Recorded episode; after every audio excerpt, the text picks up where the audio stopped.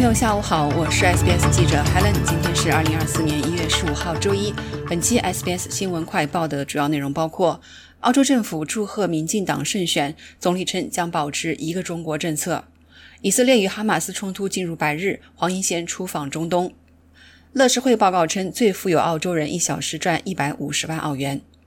台湾大选落幕，民进党历史性的获得第三个任期。澳大利亚联邦政府表示将保持一个中国政策。总理阿尔巴尼斯祝贺当选总统赖清德获胜，并表示澳大利亚政府尊重台湾的民主进程和结果。在周一接受 ABC 电台晨间新闻节目的新年首次采访时，阿尔巴尼斯讨论了外交政策的多个领域，包括澳大利亚支持联合行动打击胡塞武装对也门红海航道的袭击，驳斥了有关澳大利亚支持不够的说法。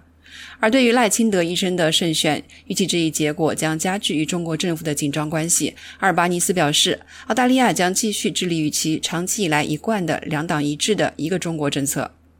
澳大利亚外交与贸易部于周日已经发布声明，对赖清德的胜选以及台湾人民和平行使民主权利表示祝贺。外交与贸易部的发言人在一份声明中说：“选举的顺利进行，证明了台湾民主的成熟与力量。澳大利亚期待继续与台湾合作，深化我们重要的贸易和投资关系，还有我们在教育、科学、文化和民间方面的长期的深远关系。”反对党领袖彼得·达顿向即将上任的总统表示祝贺，称他将在令人担忧的时期发挥领导作用。他在墨尔本对记者表示：“民主国家有能力执行人民的意愿，这很重要。台湾做到了，我们对这一结果表示欢迎。”而反对党外交事务发言人伯明翰含蓄地抨击北京反对报复。他说：“所有各方都应该尊重台湾人民表达的民主意愿，以支持和平与稳定的方式行事。任何军事活动升级或有可能造成不稳定、误判或误事的行为都是毫无道理的。”而中国驻澳大使馆、领事馆等均于周一在其社交媒体推送了中国外交部长王毅对台湾选举的回应。王毅表示，台湾地区选举是中国的地方事务，不管选举结果如何，都改变不了世界上只有一个中国，台湾是中国一部分的基本事实，都改变不了国际社会坚持一个中国原则的普遍共识。黄一贤参议员本周访问中东时，将不会访问发生哈马斯袭击事件的以色列城镇。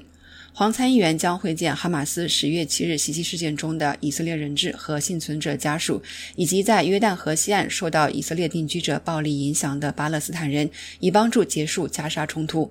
这位外长于周一启程前往中东，是他担任外长以来的首次中东之行，也是冲突发生以来澳大利亚政界对以色列进行的最高级别访问。黄参议员表示，他将在澳大利亚明确谴责哈马斯袭击的同时，呼吁以色列在加沙平民死亡人数众多的情况下尊重国际法。他说：“很明显，这是一场具有破坏性和悲剧性的冲突。许多持有不同观点的澳大利亚人对此深感担忧。我想对澳大利亚人说的是，我们不是这场冲突的核心参与者，但我们有一个受人尊敬的声音。我们将利用这个声音进行宣传。最终，冲突各方面必须找到摆脱冲突的途径。”在以色列与哈马斯的战争进入第一百天后几小时，以色列空袭了戴尔巴莱赫市以及加沙中部的马加奇和布里吉难民营。据当地卫生部门统计，自十月七日以来，加沙地带已经有近两万四千人死于以色列对哈马斯控制区的轰炸，占该地区总人口的百分之一以上。此前，哈马斯武装分子袭击了以色列南部，造成约一千两百人死亡，约两百四十名人质被劫持。